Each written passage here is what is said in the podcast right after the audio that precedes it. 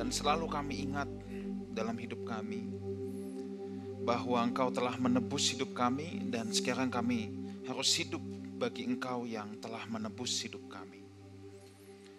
Berbicaralah kepada masing-masing kami ya Tuhan pada pagi hari ini. Biar pikiran kami, roh kami boleh senantiasa diperbaharui.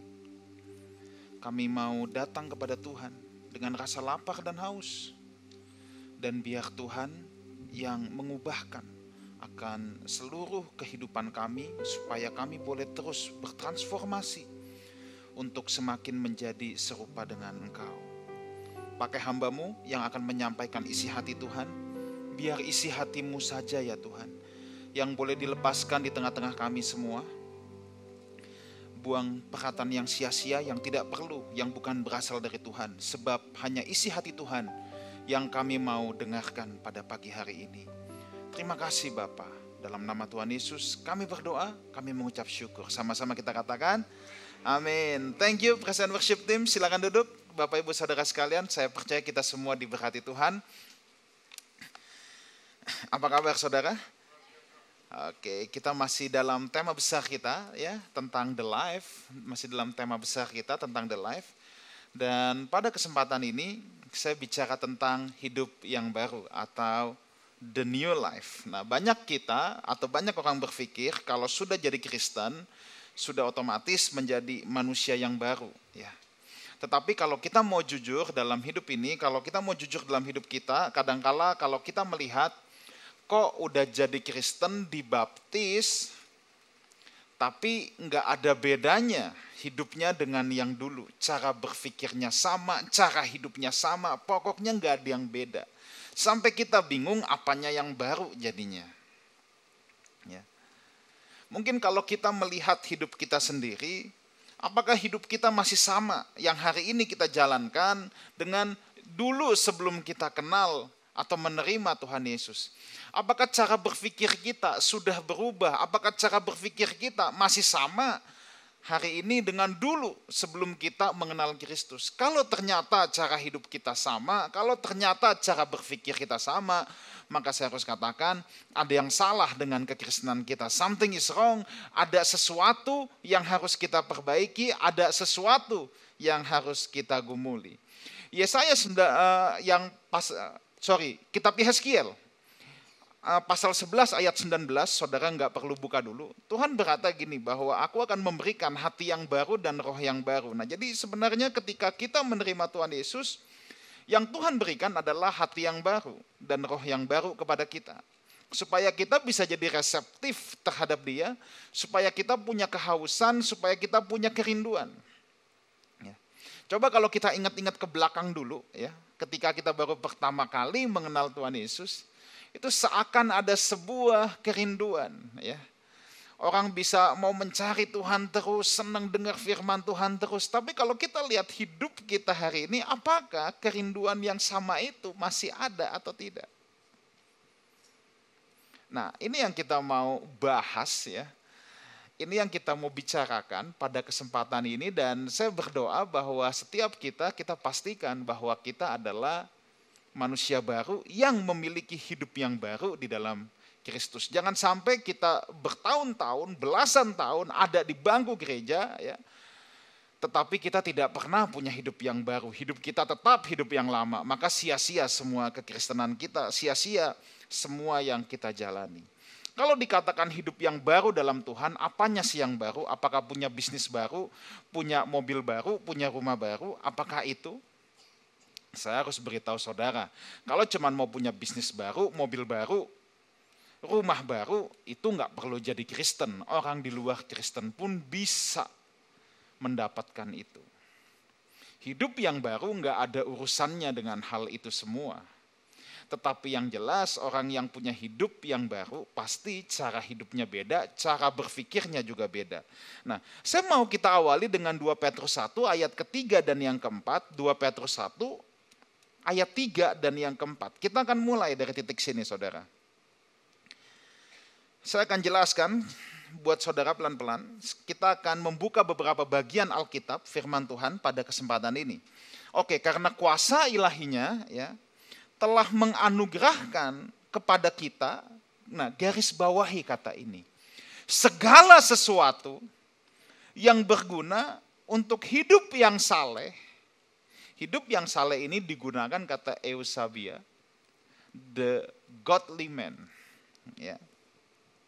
Oleh pengenalan kita akan dia yang telah memanggil kita oleh kuasanya yang mulia dan ajaib. Dengan jalan itu ia telah menganugerahkan kepada kita janji-janji yang berharga dan yang sangat besar supaya olehnya kamu mengambil bagian dalam kodrat ilahi dan luput dari hawa nafsu duniawi yang membinasakan dunia. Singkatnya saudara, ketika kita menerima Tuhan Yesus, ketika saudara mengenal Tuhan, Tuhan itu punya satu target, ingin mengubah hidup kita dari hidup dalam daging menjadi menjadi manusia Allah. Tuhan ingin mengubah hidup kita ya, dari manusia dunia menjadi manusia Allah. Itulah perjalanan kekristenan. Dan untuk hal ini, Alkitab berkata Tuhan telah mengaruniakan ayatnya yang ketiga tadi, segala sesuatu. Jadi tidak ada orang yang bisa berkata bahwa aku nggak mungkin bisa hidup yang baru itu terlalu sulit buat aku. Kondisi hidupku tidak memungkinkan dan lain sebagainya. Sebab Tuhan bilang Tuhan telah mengaruniakan segala sesuatu. Tuhan tidak melepaskan kita seperti anak ayam yang kehilangan induk. Dan Tuhan tidak mungkin memberikan perintah kepada kita yang mustahil untuk kita lakukan atau mustahil untuk kita hidupi. Kalau Tuhan sudah mengutus kita, kalau Tuhan sudah memberikan kita sebuah perintah, Tuhan pasti kasih backup. Tuhan pasti siapkan fasilitasnya. Kita sering katakan, fisik kita adalah duta-duta kerajaan Allah. Kalau saudara ada di bumi ini, itu bukan kebetulan. Saudara ada di bumi ini untuk jadi duta-duta kerajaan Allah. Nah, kalau saudara lihat, Indonesia ketika mengutus duta besar saja, negara membackup, negara memfasilitasi apa yang digunakan untuk tugas-tugas yang negara berikan. Apalagi saudara dan saya. Kita adalah duta-duta kerajaan Allah yang punya tugas untuk menyebarkan nilai-nilai kerajaan Allah. Kita punya tugas untuk menginvasi dunia ini dengan sistem kerajaan Allah. Untuk berkuasa atas dunia ini dengan cara melayani. Maka Tuhan juga pasti kasih backup untuk kita. Makanya Tuhan bilang tadi telah mengaruniakan segala sesuatu. Nah, ini paradigma berpikir yang harus kita ubah dulu. Jangan sampai kita berpikir bahwa aku tidak mungkin bisa hidup dalam keserupaan dengan Kristus. Aku tidak mungkin bisa punya hidup yang baru. Aku tidak mungkin, aku tidak mungkin, aku tidak mungkin. Kita harus mengubah dulu cara berpikir kita bahwa Tuhan sudah membackup dengan segala sesuatu. Nah, apa itu segala sesuatu? Nah, ini yang kita mau pelajari pelan-pelan. Ya. Tuhan kasih modal pertama dulu untuk kita ya. Modal pertama ini sangat penting yaitu Tuhan kasih status. Seorang duta besar yang dikirim ke negara tetangga atau negara lain, dia harus dikasih dulu status sebagai duta besar supaya dia punya otoritas di negara yang diutus. Nah, Tuhan kasih kita modal paling pertama dan ini sangat penting, Tuhan kasih modal yaitu status. Yohanes 1 ayat yang ke-12. Yohanes 1 ayat yang ke-12. Tetapi semua orang yang menerimanya, menerima Kristus, diberinya kuasa, ya kata kuasa di sini exousia yang berarti hak, bukan digunakan kata dunamos atau power, ya jadi kalau di kisah Rasul 1 ayat 8, tetapi kamu akan diberi kuasa, ya itu kuasa di situ dunamos yang berhubungan dengan hal-hal yang fantastik, yang ekstravagansa, kayak punya power untuk meledakkan, mujizat semua itu ada di itu ada di kata dunamos, tapi di Yohanes 1 ayat 12, Alkitab bukan kebetulan menggunakan kata eksosia. Kita diberikan status, diberikan otoritas, diberikan hak kata Alkitab untuk menjadi anak Allah, tetapi semua orang yang menerimanya diberinya kuasa, otoritas, hak supaya menjadi anak-anak Allah, yaitu mereka yang percaya dalam namanya. Saudara sadari atau tidak, status itu tidak bisa diupayakan, percayalah. Status tidak bisa diupayakan. Status hanya bisa diberikan. Nah, khotbah dua minggu yang lalu tentang the choice ya dalam tema besar the life, saya sudah katakan ada hal-hal yang kita tidak bisa pilih. Ada hal-hal yang kita tidak bisa pilih. Kita nggak bisa memilih dari keluarga mana kita dilahirkan. Kita tidak bisa memilih. Kita keturunan apa? Saya tidak bisa milih bahwa saya jadi orang Chinese keturunan Chinese yang dilahirkan di Indonesia. Saya tidak bisa milih untuk kenapa saya nggak keturunan Chinese yang lahir di Swiss atau Jepang. Oke. Nah, hal yang tidak bisa kita pilih itu, itu kan status. Status itu hanya bisa diberikan, tidak bisa diupayakan. Dan ini adalah modal yang paling penting Tuhan berikan buat kita, yaitu status. Kenapa saudara harus dikasih status?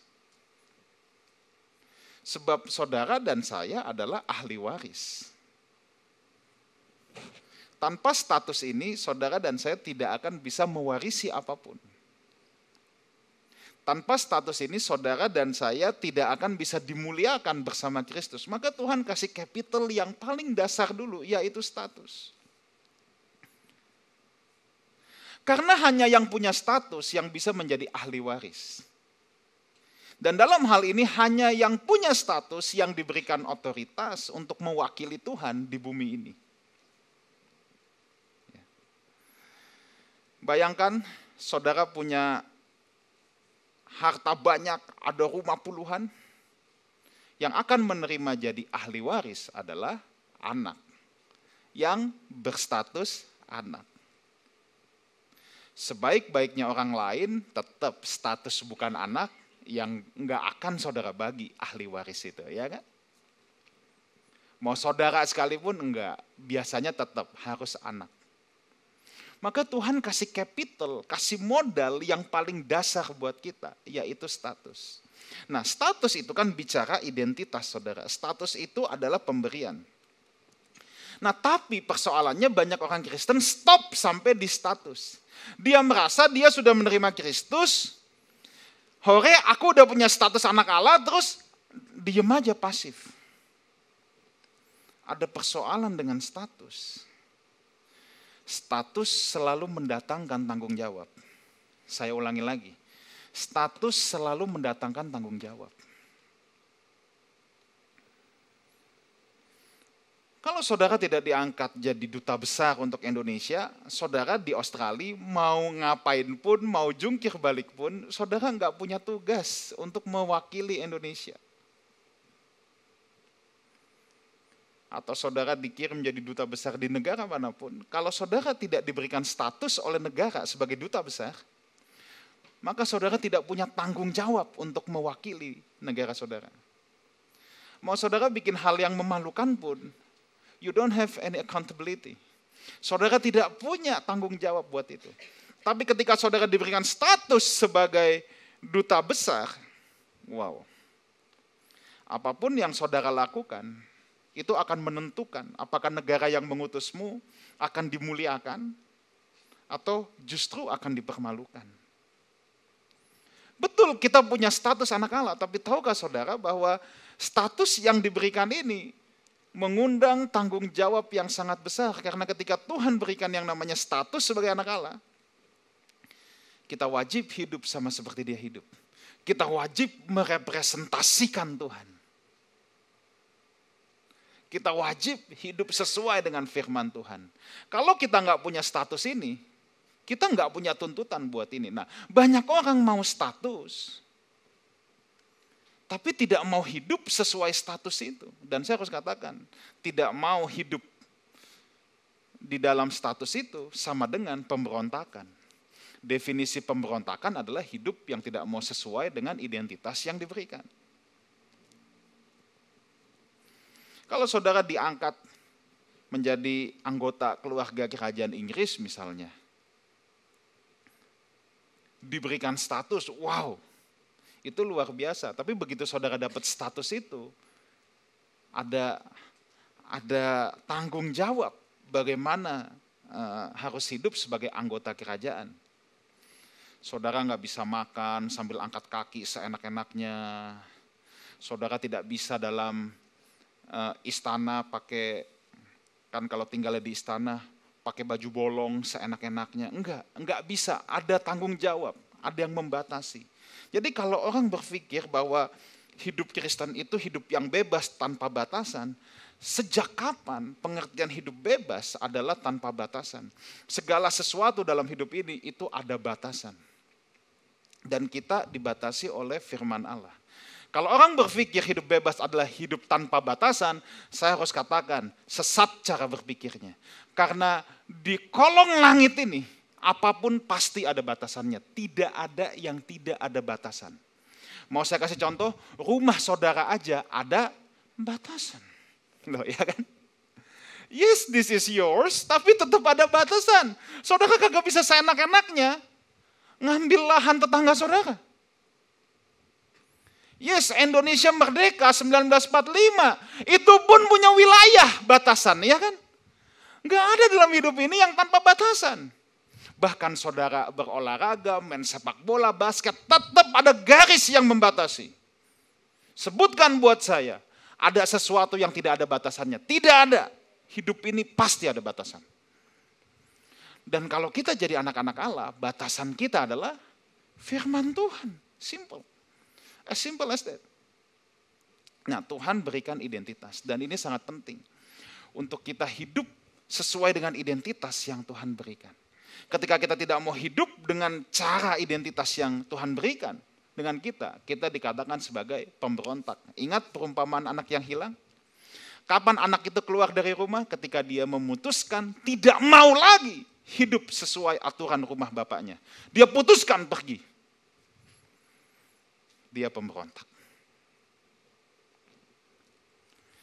Saudara pasti udah familiar dengan kisah Lukas 15 itu.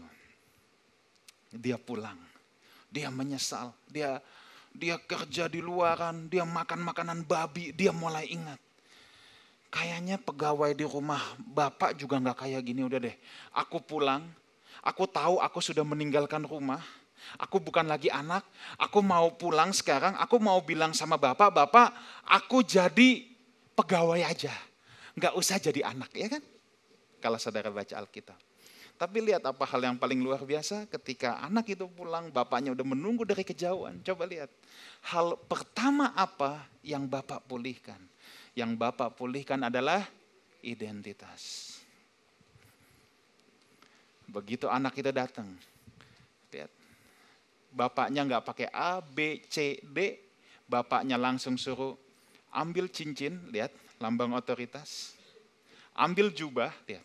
Yang bapaknya pulihkan pertama adalah status dan identitas. That's why Tuhan kasih itu buat kita. Tanpa Tuhan kasih status dan identitas, kita nggak mungkin bisa hidup sebagai man of God tapi sekarang challenge buat kita, apakah kita mau hidup sesuai identitas yang Tuhan berikan atau tidak. Memang Lukas 15 ceritanya berhenti sampai di sana. Tidak ada kelanjutannya. Tapi saya meyakini ketika anak itu dipulihkan identitasnya, terus hidupnya gimana? Mau pulang ke rumah kan? Oke, iya boleh. Papanya pulihkan. Tapi apakah anaknya bisa suka-suka kayak dulu lagi? Ya nggak bisa. Kamu mau pulang, aku terima. Kata bapaknya, aku pulihkan iden identitasmu. Tapi kalau mau hidup dengan cara yang lama, tidak bisa. You got the identity, you got the responsibility. Pulang ke rumah, dikasih identitasnya, tapi hidup sesuai identitasmu sebagai anak bapak. So, Tuhan kasih modal yang paling utama. Identitas sangat penting supaya saudara memandang hidup ini dengan benar. Jadi stop untuk berpikir bahwa kita adalah debu pasir yang enggak ada gunanya, remahan rengginang yang tinggal injak-injak. Enggak, saudara anak Allah. Harus berangkat dari situ. Dan sekarang challenge kita hidup sesuai identitas yang Tuhan berikan. Efesus 4 ayat 17. Kita baca pelan-pelan, kita lihat dulu sampai ayat yang ke-19.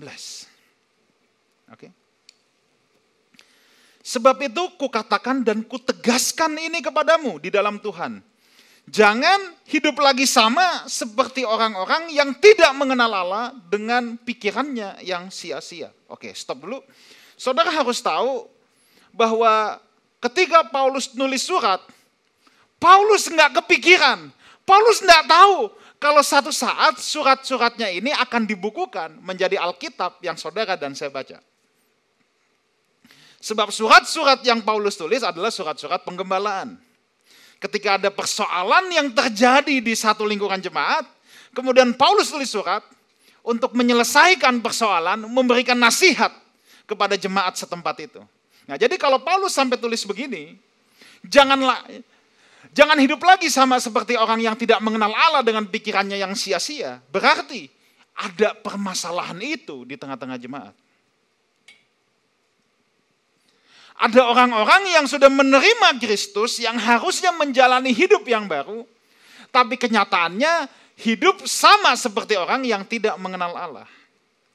Nah, jadi kalau kita melihat ya, ada persoalan itu hari ini, itu bukan barang baru, itu sudah ada dari zaman dulu, Saudara. Di kota mana pun ada yang mengalami pergumulan seperti ini. Makanya Paulus kasih nasihat demikian. Oke. Apa ciri yang tidak mengenal Tuhan? Tadi pertama Paulus bilang yang tidak mengenal Allah dan pikirannya sia-sia. Nah pikiran sia-sia. Terjemahan the message, the empty headed, otaknya kosong. Tahu sia-sia, pikiran sia-sia, pikiran yang useless, pikiran yang tidak berguna. Orang yang memikirkan kecemaran, memikirkan kejahatan, memikirkan akal-akal bulus itu sia-sia. Itu empty headed. Empty headed. Ada yang dipikirin, tapi kata al, apa kalau kata Alkitab otaknya kosong itu. Itu dikatakan pikiran yang sia-sia. Kalau bahasa Yunani mata yotes tanpa kebenaran atau kepantasan, memikirkan hal-hal yang tidak pantas. Ya banyak kan? Udah punya pasangan, mikir mau punya pasangan baru. Itu empty headed. Otaknya kosong. Memikirkan hal yang tidak pantas, itu empty headed. Oke. Okay. Lalu ayat 18. Dan pengertiannya gelap. Ya kalau udah empty headed, otaknya kosong, pasti pengertiannya gelap. ya kan? Jauh dari hidup persekutuan dengan Allah. Coba lihat, jauh dari hidup persekutuan dengan Allah. Memutuskan untuk hidup di luar hadirat Tuhan. Selalu saya ingatkan, manusia sejak pertama diciptakan di Eden. Arti Eden the spot of presence. Habitat manusia adalah hadirat Tuhan. Orang yang mau tinggal di luar hadirat Tuhan sama dengan ikan yang berkata, aku tidak lagi mau hidup di dalam air. Aku mau hidup di luar air. Nggak bisa. Hadirat Tuhan, habitat kita. Jadi kalau kita mau coba untuk hidup di luar hadirat Tuhan, kita mau hidup di luar persekutuan dengan Tuhan, persekutuan dengan orang percaya. Ingat, kita seperti ikan yang memutuskan untuk hidup di luar air. Itu sangat berbahaya. Karena kebodohan yang ada di dalam mereka dan karena kedegilan hati mereka. Kebodohan. Apa itu kebodohan? Bodoh menurut Alkitab itu bukan IQ-nya jongkok, bukan, ya kan? Kebodohan itu bukan orang yang tidak tahu loh. Kalau saudara ingat, Tuhan Yesus bilang ada orang yang mendirikan rumah di atas pasir, ada yang mendirikan rumah di atas batu karang. Yang bodoh adalah yang mendengarkan firman tetapi tidak melakukannya. Yang bodoh itu adalah yang tahu tapi tidak mau melakukan. Itu yang bodoh. Bukannya tidak tahu, tahu. Tapi tidak mau melakukan. Tahu, tapi tidak mau menghidupi. Nah, itu yang dikatakan kebodohan oleh Alkitab. Orang-orang yang tidak mengenal Allah. Nah, saudara pasti udah udah banyak dengar khotbah ya. sebagian besar saudara mendengar firman mungkin lebih banyak daripada saya. Dilihat dari usia semua, wah saudara pasti udah sangat berpengalaman. Tapi persoalannya, apakah kita mau melakukannya atau tidak? Kalau kita tidak mau melakukannya, kata Alkitab, itulah kebodohan. Tahu tapi tidak mau melakukan. Dan karena kedegilan hati mereka. Nah ini kedegilan itu mengeraskan hati sama Tuhan, melawan Tuhan seperti Firaun. Memang gak punya niat bertobat. Jadi udah tahu nggak mau melakukan, memang gua nggak mau bertobat, memang gua maunya begini, terus mau apa? Itu yang kata Alkitab, hatinya degil, hatinya keras. Seperti Firaun yang tidak pernah berniat melepaskan bangsa Israel. Cuman ngomongnya doang, iya mau, iya mau, nanti aku lepaskan ya kan? Kena tulah. Tulah is a sign, itu tanda. Tuhan sudah berikan tanda. Begitu ada tulah, iya, iya, iya, iya, iya. Aku mau lepasin. Tulah selesai, cekek lagi. Bukankah banyak orang Kristen seperti itu? Lagi dalam susah, Tuhan tolong, mujizatmu. Tuhan kasih mujizat, that's a sign. Habis masalahnya selesai, Baik Tuhan. Nah, itu orang-orang yang degil hati itu gitu. Kedegilan, kata Alkitab. Ayat 19, perasaan mereka telah tumpul. Nah ini, enggak ada perasaan. New Living Translation menuliskan dengan they have no sense of shame, tidak tahu malu. Perasaannya tumpul sehingga mereka menyerahkan diri kepada hawa nafsu dan mengerjakan dengan serakah segala macam kecemaran. Jelas, ujungnya dari orang-orang yang seperti ini pasti hidup dalam kecemaran. Termasuk sexual impurity, ketidakkudusan dalam seks. Ini udah pasti ujungnya. Pasti ujungnya ada di sini. Ayat 20 sekarang. Nah, Paulus mau bilang, tetapi kamu bukan demikian. Kita semua bukan demikian. Kamu telah belajar mengenal Kristus. Pertanyaan saya, sudahkah kita belajar? Firman Allah yang diberikan oleh Tuhan itu termasuk segala sesuatu tadi yang Tuhan sediakan supaya kita bisa hidup yang saleh, supaya kita bisa menjadi manusia Allah. Saya sudah katakan bahwa Tuhan pasti menyediakan semua fasilitasnya. Tuhan berikan status. Tuhan sediakan firman Allah. Persoalannya, kita sudah belajar belum? Kita mau belajar firman nggak? Kita haus akan firman nggak? Kita mau baca Alkitab nggak? Kalau kita nggak mau baca Alkitab, nggak mau tahu firman, ya kita nggak akan bisa dalam proses ini. Kita nggak akan bisa punya hidup yang baru. Ingat Tuhan sudah kasih segala sesuatu yang kita butuhkan, yang saudara dan saya butuhkan. Dan firman Allah termasuk di dalam segala sesuatu itu. Oke, kamu telah belajar mengenal Kristus katanya ya. Karena kamu telah mendengar tentang dia dan menerima pengajaran di dalam dia. Menurut kebenaran yang nyata dalam Yesus yaitu bahwa kamu berhubung dengan kehidupan yang dahulu harus menanggalkan manusia lama yang menemui kebinasaannya oleh nafsunya yang menyesatkan. Oke, jadi gini. Kita sudah mengenal Kristus, kita sudah dengar firman, sekarang tugas kita menanggalkan, meninggalkan. Kayak baju ini saudara copotin, tinggalkan. Ditanggalkan Selama kita masih mau pakai baju yang lama, cara hidup yang lama, kita nggak akan bisa untuk punya hidup yang baru. Supaya kamu dibaharui di dalam roh dan pikiranmu dan mengenakan manusia baru yang telah diciptakan menurut kehendak Allah dalam kebenaran dan kekudusan yang sesungguhnya. Coba lihat versi The Message. Maka suruh tinggalkan kenakan yang baru versi The Message. Coba boleh ditampilkan sebentar. Get rid of it, tanggalkan itu. Coba lihat. Tapi gunakan a new way of life. God fashion life. Tuhan kasih baju yang baru sekarang, kita pakai baju itu. A life renew from the inside. Pembaharuan yang datang dari dalam saudara. Dan kalau saudara mengenakan apa yang Tuhan berikan, pakaian yang baru itu. Saudara akan diperbaharui dari dalam. Dan itu akan melahirkan karakter-karakter Tuhan dalam hidup saudara. Untuk mengalami pembaharuan memang harus dari dalam. Lalu berbuah pada karakter Kristus yang keluar. Dan pembaharuan apa yang Tuhan kerjakan? Roma 12 ayat yang kedua. Baru kita masuk ke sini. Roma 12 ayat 2.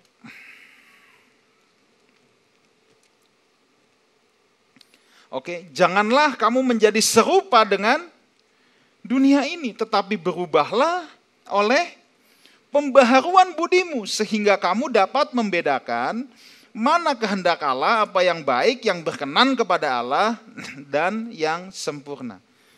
Pembaharuan dari dalam itu dimulai dari pembaharuan the way you think. Dan Alkitab bilang di sini berubahlah itu kata yang dipakai metamorfo yang kita kenal. Kemudian kalau kita belajar biologi dulu ada yang namanya metamorfosis. Metamorfosis itu perubahan yang sampai juga berubah bentuk. Makanya tadi saya katakan kita tidak bisa mau punya hidup yang baru tapi kita tetap mau mengenakan pakaian yang lama. Enggak. Saudara tahu kupu-kupu? itu asalnya dari ulat, ya kan? Ulat jadi kepompong, jadi kupu-kupu. Ini nggak nyambung sama sekali bentuknya. Memang totally new. Dia harus ganti bajunya. Tapi kalau kita bicara metamorfosis, maka mau tidak mau ada yang namanya ini proses. Ya kan? Ular jadi kupu-kupu, nggak bisa dalam satu malam. Ada yang namanya proses. Kalau saudara penggemar kupu-kupu, ya maka saudara akan tahu bahwa ada pameran kupu-kupu, ya kan? Pameran kupu-kupu, wah, melihat kupu-kupu yang indah. Pertanyaan saya, pernahkah saudara melihat pameran kepompong? Enggak akan ada, memang enggak ada pameran kepompong itu. Nah, lalu gini, ingat ya, pembaharuan pikiran, pembaharuan itu datangnya dari dalam. Kepompong, ketika mau berubah jadi kupu-kupu, dengar baik ini. Nggak ada yang boleh tolong dia. Kalau saudara lihat kepompong, terus saudara, ini bakal jadi kupu-kupu yang indah nih. Sini, aku bantu guntingin. Biar cepat keluar. Tebak apa yang terjadi? Rusak. Dia tidak akan bisa jadi kupu-kupu. Nggak ada yang boleh bantu dia. Nah, manusia sering gak sabar dalam proses. Dia mau shortcut, dia mau percepat semuanya. Seperti Yusuf ketika dalam penjara. Ingat cerita itu? Ada juru roti dan juru minuman yang di penjara juga. Akhirnya Yusuf kasih tahu arti mimpi raja. Tapi Yusuf titip pesan sama dia. Keluarin aku dong Ntar kalau kamu udah keluar, kasih tahu. Raja, suruh keluarin aku juga. Apa yang terjadi? Apakah Yusuf bisa langsung keluar? Enggak, saudara. Dilupain. Baru beberapa tahun kemudian, Yusuf dikeluarkan. Baru diingat lagi. You can't get the shortcut untuk hal yang ini. Untuk metamorfosis, ketika Tuhan memproses kita, ikuti aja prosesnya saudara pasti jadi kupu-kupu yang indah. Don't think about the shortcut. Tidak bisa. Ya. Kalau saudara mau cepat, malah jadi lama. Itu udah pasti. Makin mau cepat, makin jadi lama. Nah, tadi juga Alkitab katakan, berubahlah, metamorfosis, ada proses. Oleh pembaharuan budimu. Dengan cara apa sih? Pembaharuan budi, again, firman Allah. Setiap saudara harus berjumpa yang namanya dengan kebenaran, the truth encounter. Dalam kekristenan secara cepat saja, ada tiga macam perjumpaan.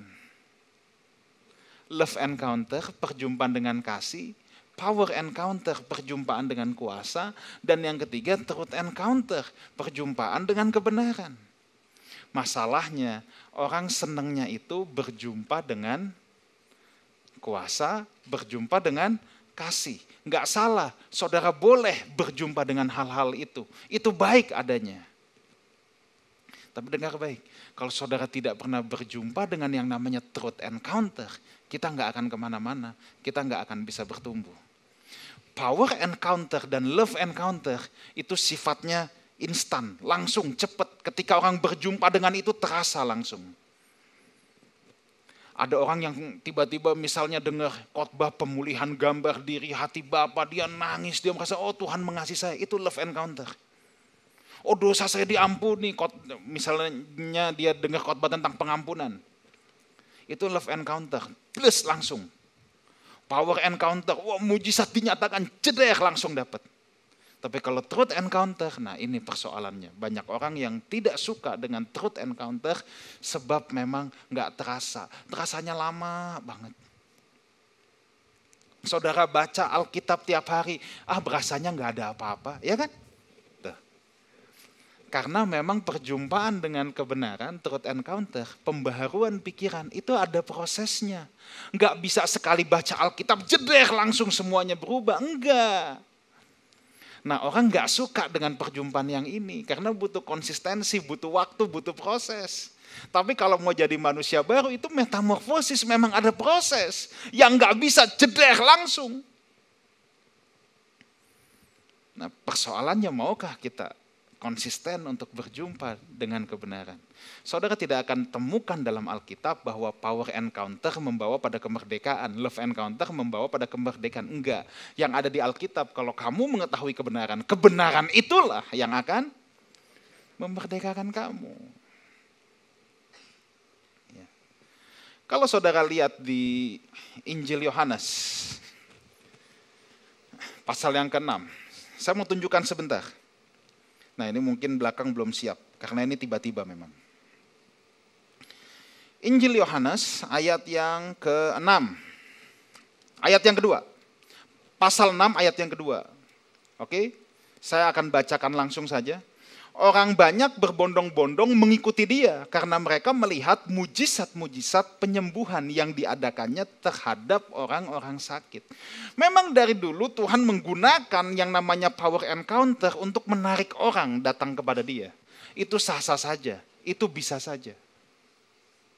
Tuhan bisa gunakan ini. Memang mujizat itu semeion, tanda. Tuhan gunakan itu. Saya mau saudara lihat lagi ayat 14. Ingat ya, tanda itu fungsinya apa? That is the purpose of sign. Untuk mengarahkan pada tujuan. Kenapa ada tanda-tanda di jalanan? Supaya yang nggak tahu jalan bisa nggak kesasar. Itu kan tanda kan? Mengarahkan pada tujuan. Ayat 14. Ayat 14 dari Yohanes 6, oke? Okay? Ketika orang-orang itu melihat mujizat yang telah diadakannya, mereka berkata, dia adalah benar-benar nabi yang akan datang ke dalam dunia. Nah berarti tadi di ayat kedua, orang banyak memang ikut Yesus karena melihat tanda-tanda. Sekarang setelah melihat tanda-tanda itu, Tuhan bikin mujizat, orang banyak mengakui, oh benar nih, ini utusan Allah. Berarti tandanya berhasil nggak? Berhasil dong. Kan memang tujuannya ini, mengarahkan pada tujuan. Tapi lihat, Apakah mereka otomatis sampai di tujuan? Tidak. Kalau saudara baca ayat selanjutnya. Coba ayat 15. Karena Yesus tahu bahwa mereka hendak datang dan hendak membawa dia dengan paksa untuk menjadikan dia raja, ia menyingkir pula ke gunung seorang diri. Dia ketemu tanda, tapi lihat Yesus malah menyingkir. Kenapa? Mereka memang ketemu tanda, tapi pikirannya nggak pernah diperbaharui. Mereka tetap mau bertindak sesuai dengan apa yang mereka mau. Makanya Tuhan bilang, eh, no, no, no, no, no. This is not the way. Ini bukan apa yang aku mau. Tuhan nyingkir. So, ketemu tanda tidak otomatis kita sampai di tujuan. Saudara bisa ngelihat tanda, tapi kalau saudara tidak mau menjalaninya, saudara tidak akan sampai di tujuan yang bisa membuat kita sampai itu bukan cuma ketemu tanda, tapi kalau kita mau menjalaninya sampai di tujuan. Nah, tidak ada cara lain untuk saudara bisa sampai ke tujuan selain truth encounter. Saudara boleh ketemu banyak mujizat, saudara boleh ketemu banyak perjumpaan yang lain. Tapi kalau saudara tidak mau berjalan dalam truth encounter, saudara tidak akan pernah ke mana-mana. Kita tidak akan pernah ke mana-mana. Kita hanya akan jalan di tempat doang nggak pernah sampai kepada tujuan. Bagian terakhir, lalu kita selesai. Uh, Nahem boleh maju dulu. Thank you Nahem. 2 Korintus 5 ayat 15. Sampai 17. Kemudian kita selesai. Oke. Dan Kristus telah mati untuk semua orang supaya mereka yang hidup tidak lagi hidup untuk dirinya sendiri, tetapi untuk Dia yang telah mati dan dibangkitkan untuk mereka. Sebuah ciri mutlak untuk orang yang mau punya hidup yang baru adalah dia tidak hidup lagi buat dirinya sendiri, tetapi hidup bagi Dia yang telah mati untuk kita. Ciri orang yang memiliki hidup yang baru adalah dia tidak hidup untuk kepentingannya dia sendiri, Nah, hidup untuk Kristus, saudara jangan bayangkan, saudara jadi petapa yang tinggal di goa, udah nggak udah nggak ketemu siapa-siapa, ya, anti naik mobil, anti beli baju, bukan itu. Ke mana-mana jalan kaki, nyeker kalau perlu, bukan itu hidup, hidup untuk Kristus. Bukan itu. Hidup untuk Kristus artinya, ingat hatinya Tuhan apa? Jiwa-jiwa. Ya kan? Hatinya Tuhan apa lagi sih? Tujuan Tuhan datang ke dunia ini untuk jiwa-jiwa. Menebus kita dari dosa. Tujuan Tuhan datang bukan mengganti rumah kita, mobil kita, bukan kan? Dari awal kita udah sepakati. Tapi tujuan Kristus datang. Hatinya untuk jiwa-jiwa. Jadi orang yang hidup untuk Kristus artinya dia menjadi duta kerajaan Allah di bumi ini dengan cara menghidupi serta membagikan nilai-nilai kerajaan Allah kepada sesama dan memberikan added value bagi hidup orang lain. Kalau hidup bagi kepentingan diri sendiri, yang dipikir hanya aku, aku, aku, aku. Hati-hati, jangan-jangan itu sindrom narsistik, megalomania sindrom. Kalau saudara belum nonton We Talk kita Kamis kemarin, That's really good, that's really awesome. Isinya daging semua. Pastikan saudara nonton yang Kamis kemarin. Jangan-jangan dalam diri kita ada, ada sindrom narsistik yang kita tidak sadari. Hidup bagi diri sendiri, it's all about me and myself.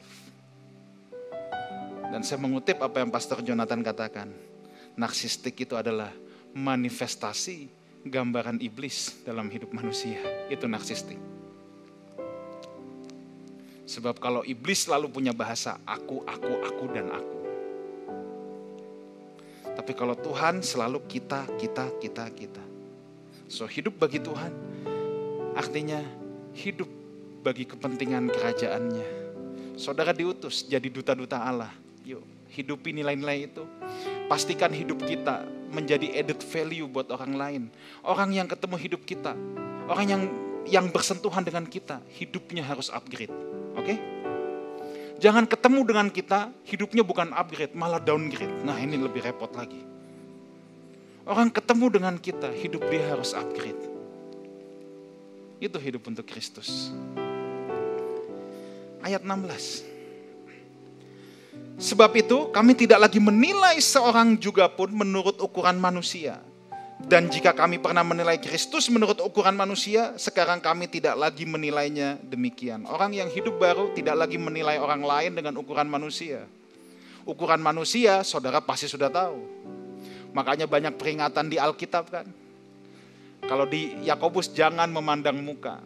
Manusia selalu mengukur lewat fasilitas yang seseorang miliki harta yang seseorang miliki. Tapi hei, Tuhan bilang enggak. Kalau hidup baru, kata Paulus, tidak lagi menilai orang lain dengan ukuran-ukuran manusia. Jangan melihat orang lain dengan apa yang dia miliki. Dan saudara juga jangan senang kalau orang lain menilai saudara dari apa yang saudara miliki. Sebab sebenarnya yang dia lihat adalah apa yang saudara miliki itu. One day ketika saudara tidak memilikinya lagi, ini kan persoalannya kan.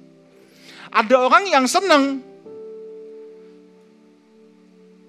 kalau diperlakukan dengan wow gitu karena apa yang dia miliki. Pertanyaannya, kalau Anda senang dengan hal yang seperti itu, what if? Bagaimana? One day kalau saudara tidak memiliki itu lagi, ap apa pun bisa diambil loh. Kalau Tuhan mau ambil, itu jentikan jari, seperti mengedipkan mata. Pertanyaannya, apakah orang-orang itu masih menilai saudara sama? Tapi kalau kita mau jadi manusia baru, kita mulai belajar menilai dengan ukuran Kristus. Ukuran Kristus apa? Bahwa setiap orang adalah gambar dan rupa Allah. Orang yang mungkin terasa nyebelin buat kita pun itu gambar dan rupa Allah juga. Mungkin pasangan hidup saudara yang saudara pikir ini udah nyebelin banget. Eh dia gambar dan rupa Allah yang ditempatkan di samping kita untuk membentuk kita. Sebab besi menajamkan besi, manusia menajamkan manusia. Kan gitu. Jangan senang kalau kita dinilai dengan ukuran manusia. Tapi kita harus menilai semua orang dengan ukuran Kristus. Oke. Yang terakhir ayat 17. Jadi siapa yang ada di dalam Kristus, ia adalah ciptaan baru. Yang lama sudah berlalu, sesungguhnya yang baru sudah datang. Kita nggak perlu lagi menoleh ke belakang. Kita semua mungkin punya kegagalan di masa lalu. Kita pasti punya black recordnya. Setiap kita pasti ada. Tapi come on, jangan menoleh ke belakang.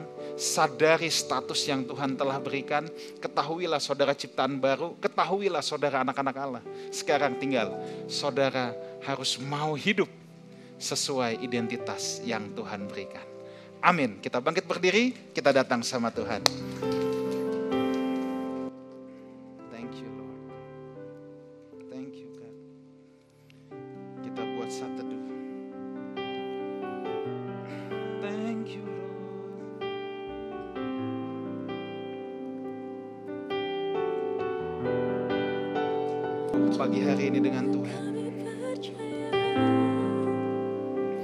Mari kita renungkan hari-hari hidup, menit-menit hidup yang kita jalani hari-hari ini.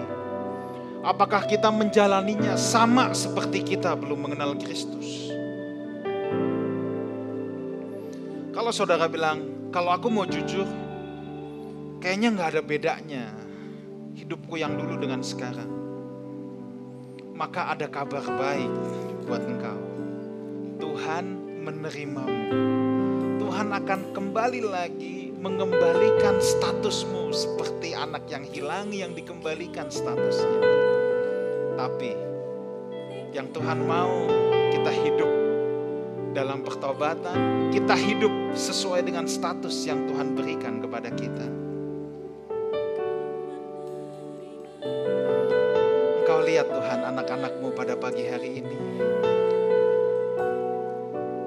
Mereka yang berkata, aku mau punya hidup yang baru. Atau mereka juga yang berkata, aku mau terus dibaharui oleh Tuhan. Aku mau terus menerus mengenakan manusia yang baru. Aku mau terus menerus. Aku tidak mau puas dengan kehidupan kekristenan yang hari ini, tapi aku mau terus ber mau terus bermetamorfosis sampai menjadi seperti apa yang Tuhan inginkan. Kau lihat kerinduan hati mereka. Hambamu berdoa Tuhan, supaya kami punya anugerah yang cukup untuk boleh diproses untuk hidup dalam anugerah Tuhan, untuk diproses menjadi seperti yang Tuhan inginkan, supaya kami bisa melaksanakan tugas-tugas kami sebagai duta-duta kerajaan Allah. Terima kasih Tuhan, Kau lihat setiap anak-anakmu yang pada pagi hari ini datang dengan beban berat, letih lesu, seakan langit menjadi tembaga, seakan pintu-pintu tertutup. Aku berdoa Tuhan pada pagi hari ini. Kiranya Tuhan yang menolong, Tuhan yang membukakan jalan bagi mereka yang membutuhkan jalan untuk dibuka. Tapi lebih lagi, mereka boleh berjumpa dengan pribadi Tuhan dalam dimensi-dimensi yang mereka belum pernah jumpai sebelumnya. Berikan hati yang baru, roh yang baru, pemikiran-pemikiran yang baru, supaya kami semua sungguh memahami siapa kami di hadapan Tuhan. Terima kasih Tuhan.